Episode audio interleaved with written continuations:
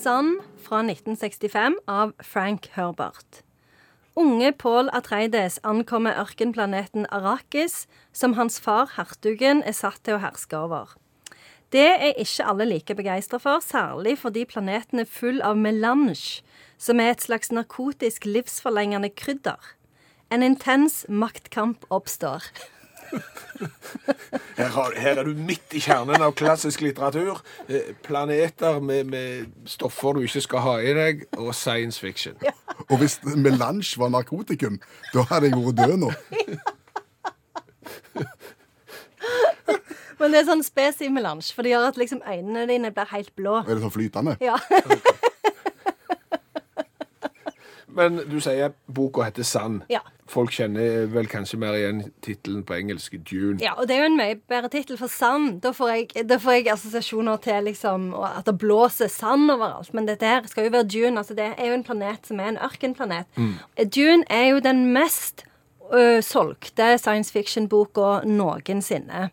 Den eh, skapte på en måte sjangeren, eh, eh, eller var i hvert fall veldig viktig for sjangeren, fordi Frank Herbert skaper jo liksom et helt nytt system, en helt ny verden.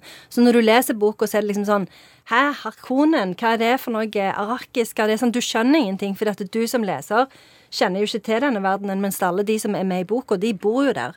Det er veldig gøy å lese den, for du må liksom hele tida kjempe litt for å forstå hva de egentlig snakker om.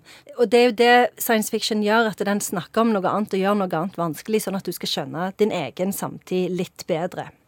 Det er jo sånn at Av og til er disse klassiske bøkene filmatisert. Det er jo denne, og da anbefaler vi gjerne at hvis du ikke gidder lese den, så kan du i hvert fall se filmen.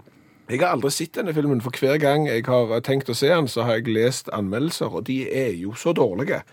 Med popartisten Sting i en sentral rolle i filmen Dune, så har du sett den. Ja, jeg har sett den mange ganger. Er den så dårlig som de vil ha det Den til? er veldig dårlig, men jeg husker vi var veldig sånn eh, meg og broren min var veldig glad i denne filmen. Og vi syntes det var veldig tøffe kulisser, for det er jo en sånn italiener, Dino De Laurentiis, som har lagd eh, liksom kulissene. Som fikk veldig mye kritikk for, men i Sandnes så syns vi dette var tipp topp. Og det er jo David Lynch som har lagd denne filmen i 1984. Men nå kommer der en ny film, og det er derfor det er så lurt å ha på en måte dette inne nå, for når den filmen kommer, så kan du være sånn Den boka har jeg lest for lenge siden. Smart. Ja. Men hva er det Frank Herbert vil fortelle oss med melange og sand og science fiction? At nå må vi trå til å redde miljøet. Egentlig så er det den første økologiske altså Han tar for seg økologi, for dette er jo en sånn sandplanet. De har egentlig enormt mye ressurser. De har vann som de kan vinne ut, men ingen er interessert i det, fordi alle vil bare utvinne melange. Som hvis vi skulle se på det i en sånn en, et norsk format, så kunne vi si at melange er på en måte olje, da. Oljeboring i Lofoten. Der er Dune, liksom. Så dette, dette er en veldig, veldig aktuell roman nå. Et berømt sitat fra Ja. Dune eller fra Sand. Ja, det har jeg. Frykt er hjernedreperen. Ja, det har vi vel opplevd noen nå? Ja, ja, ja. ja. Det er stadig vekk. Og det er det eh, eh, mora til Paul Atreides, Jessica, som sier. Hun er ei sånn heks som kan lese tankene til folk. Veldig, veldig gøy. Vil du oppsummere verket for oss? Ja, Dune? Dune Sand det er ei bok som anbefales å lese av Miljøpartiet De Grønne. Helst i tid før valget. Kan vi si at han er basert på en sann historie? ja. Nå forstår jeg. Jeg forsto det ganske kjapt, følte jeg. Det første ordspillet du har tatt. Men da sier vi tusen takk.